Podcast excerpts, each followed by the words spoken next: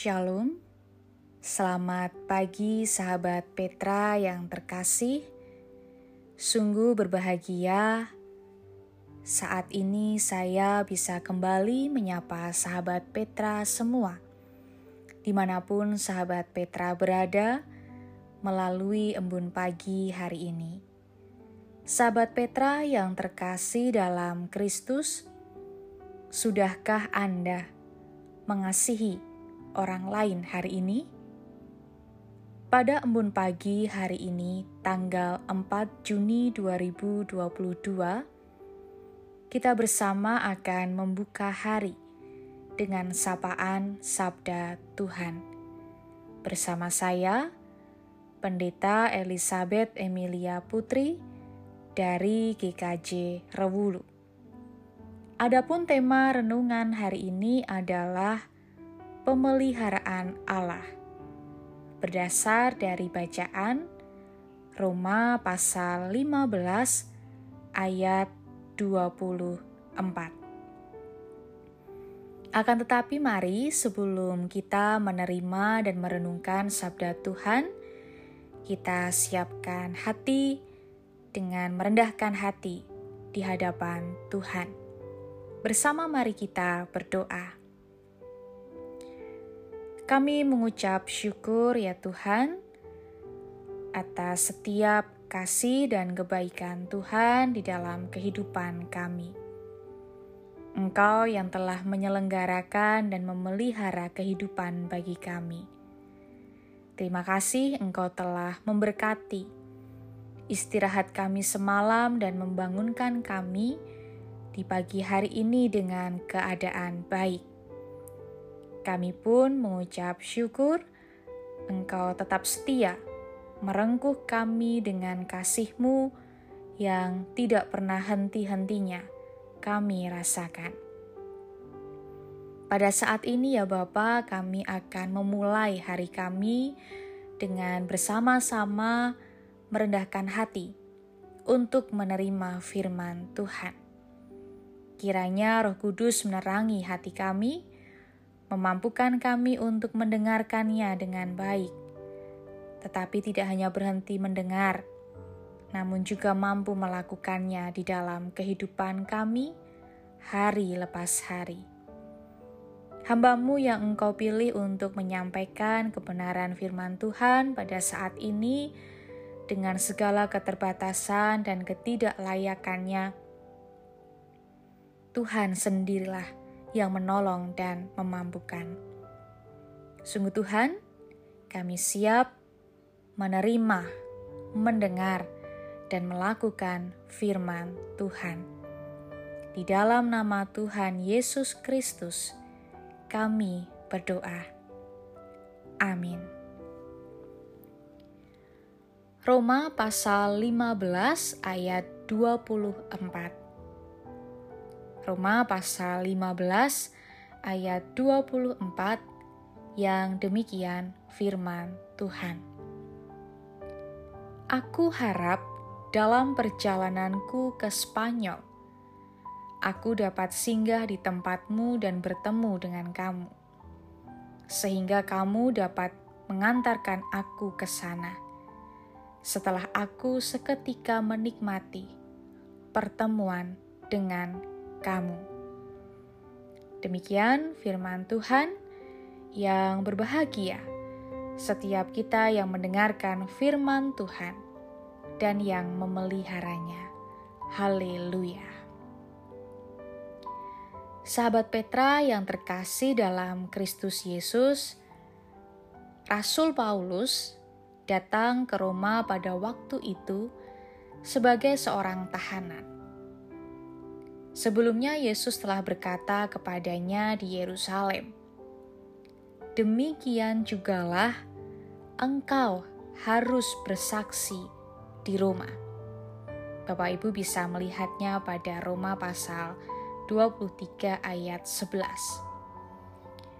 Akan tetapi Rasul Paulus mengalami peristiwa demi peristiwa yang sangat memilukan terjadi dalam kehidupannya. Ia ditangkap dan ditahan, diancam akan dibunuh, hampir tenggelam di Mediterania, hampir dibunuh oleh prajurit, dan dipagut oleh ular berbisa. Rasa-rasanya banyak peristiwa yang terjadi dalam kehidupan Paulus yang seakan-akan mencoba untuk menggagalkan tujuannya.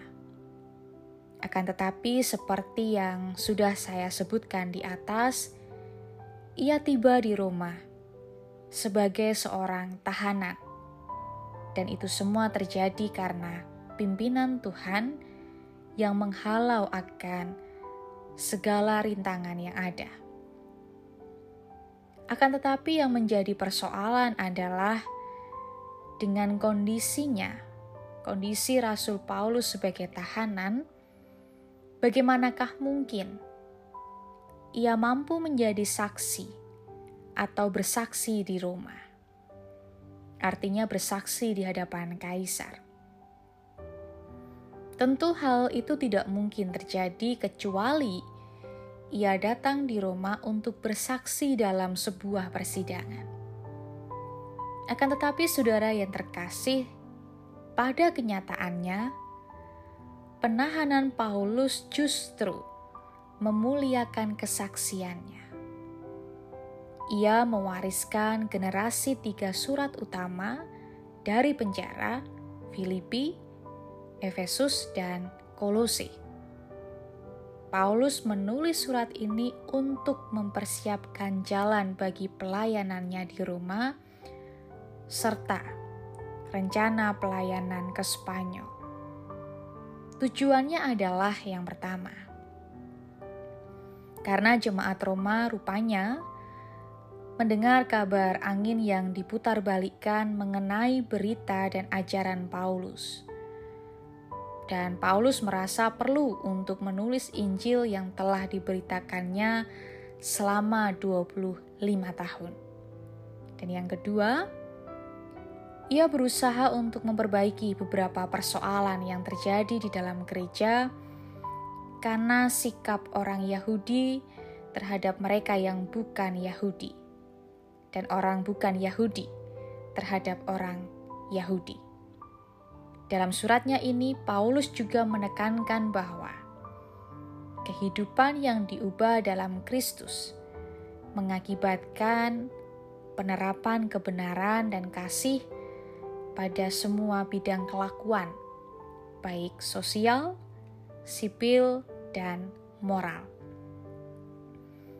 Paulus mengakhiri surat Roma dengan keterangan tentang rencananya pribadi, yaitu rencana pelayanan ke Spanyol, dan ucapan salam pribadi yang panjang, nasihat terakhir, dan sebuah kidung pujian. Dan untuk informasi bagi kita semua, Spanyol adalah negara yang terletak di semenanjung Iberia di bagian barat daya Eropa. Konteks pada waktu itu adalah setelah Rasul Paulus mengunjungi orang-orang Kristen di Roma, Rasul Paulus berharap untuk ditemani sampai sebagian perjalanan ke Spanyol oleh rekan-rekan seimannya di Roma. Tidak dapat dipastikan apakah Rasul Paulus pernah sampai ke Spanyol. Akan tetapi, Clemens dari Roma menyatakan bahwa Paulus sampai ke ujung paling barat yang bisa mencakup Spanyol. Jika Paulus sampai ke negeri itu, kunjungan tersebut mungkin dilakukan antara waktu Paulus dibebaskan dari pemenjaraannya yang pertama di Roma, kurang lebih 61 Masehi, dan waktu ia dipenjarakan lagi di sana sekitar tahun 65 Masehi. Dan pada saat itu Spanyol berada di bawah kekuasaan kerajaan Romawi. Dari perjalanan Paulus ini yang menjadi pertanyaan, di manakah wujud pemeliharaan Tuhan dalam hidupnya. Bukankah ia mengalami berbagai macam kesulitan ketika akan menjalankan tugas perutusan dari Tuhan untuk bersaksi di Roma, bahkan rencana pribadinya untuk melanjutkan ke Spanyol. Akan tetapi, jikalau kita menyimak dari awal, bagaimana sebenarnya Tuhan memelihara kehidupan Paulus, bahkan tidak hanya kepada Paulus, tetapi juga kepada jemaat di Roma. Kita tahu bagaimana peristiwa yang sangat memprihatinkan yang dialami oleh Paulus ketika ia akan menuju ke Roma. Ia ditangkap dan ditahan, diancam akan dibunuh, hampir tenggelam di Mediterania, hampir dibunuh oleh prajurit, dan dipagut oleh ular berbisa. Tetapi semuanya itu bisa ia hadapi dan lalui dan semata-mata karena pemeliharaan Tuhan di dalam hidupnya, bahkan sebagai tahanan sekalipun. Tetapi kondisi keterbatasannya ini tidak menjadikan ia surut dalam bersaksi. Malahan melalui suratnya itu, ia mampu bersaksi kepada banyak jemaat, salah satunya di Roma, supaya mereka menjadi umat yang mampu menjadi berkat bagi sesama dan hidup berdasarkan kehendak dan iman kepada Kristus. Kehadiran Paulus juga beserta dengan suratnya kepada jemaat di Roma ini bukankah juga wujud pemeliharaan Tuhan bagi jemaat di Roma?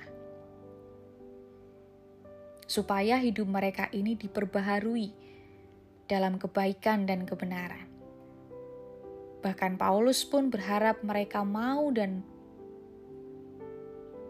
mau menemani dan ikut serta dengan Paulus untuk menuju ke Spanyol untuk melanjutkan kesaksiannya. Sahabat Petra yang terkasih, rasa-rasanya tidak ada hal lagi yang perlu dipertanyakan kembali bagian manakah wujud pemeliharaan Tuhan dalam hidup Paulus dan jemaat di Roma. Paulus dalam tantangan hidup yang terjadi dalam persoalan-persoalannya, nyata sekali bahwa Tuhan memelihara dan menolongnya untuk mencapai tujuan atau dalam hal melakukan tugas dari Tuhan. Dan yang kedua, Tuhan juga memulihkan kehidupan jemaat di Roma melalui kehadiran dan surat Paulus kepada mereka. Inilah hal yang sungguh luar biasa. Bersaksi tidak hanya menceritakan tentang apa yang dilihat, akan tetapi juga mau terlibat di dalam peristiwa, khususnya dalam hal ini adalah karya dan pekerjaan Tuhan. Dan Paulus melakukannya dengan dasar pemeliharaan Tuhan. Akankah kita sungguh merasakan pemeliharaan Tuhan di dalam hidup kita? Bukankah dalam setiap persoalan yang terjadi dalam hidup kita sampai saat ini, seberat apa pun itu, bahkan membuat kita menangis dan merasa tidak sanggup untuk menghadapinya? tetapi Ia selalu memelihara dan menolong kita. Bukankah selalu ada jalan yang Tuhan berikan bagi kita untuk menghadapi setiap persoalan dan tantangan hidup, ketika tujuan hidup kita adalah bersaksi akan kebaikan Tuhan? Kasih dan pemeliharaannya senantiasa ada dalam hidup kita bahkan Ia pun memulihkan hidup kita. Maka saat ini, mari ketika kita sungguh merasakan pemeliharaan Tuhan, terlibatlah dalam karya dan pekerjaannya melalui hidup dan kehidupan kita, sehingga semakin banyak orang yang mampu merasakan kasih Tuhan, pemulihan Tuhan melalui kehidupan kita. Tetaplah setia dalam pemeliharaan Tuhan dan jadilah saksinya. Tuhan memberkati. Amin. Mari kita bersatu di dalam doa. Kami bersyukur ya Tuhan untuk sabdamu yang kami dengar pada pagi hari ini.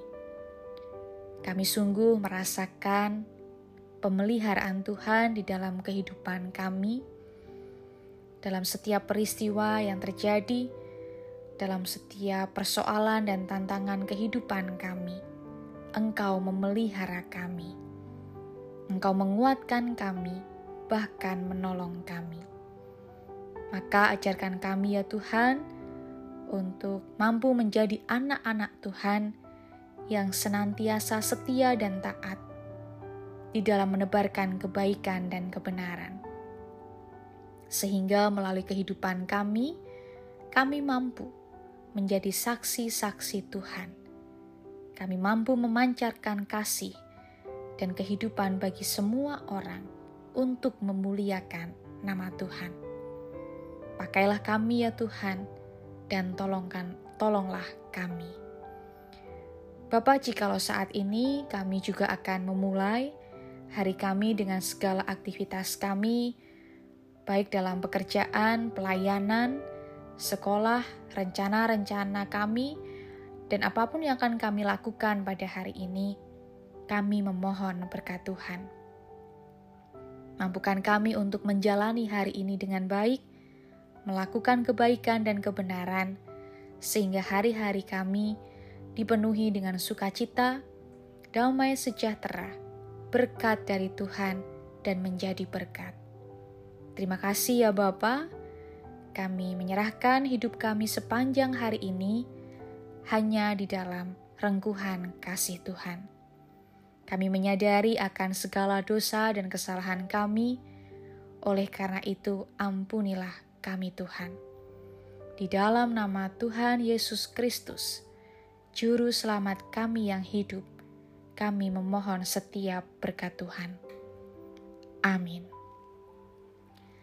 Demikian sahabat Petra yang terkasih dalam Kristus, embun pagi hari ini, tanggal 4 Juni 2022. Kiranya sabda Tuhan memberikan hikmat, kekuatan, dan penghiburan bagi kita untuk melewati sepanjang hari ini.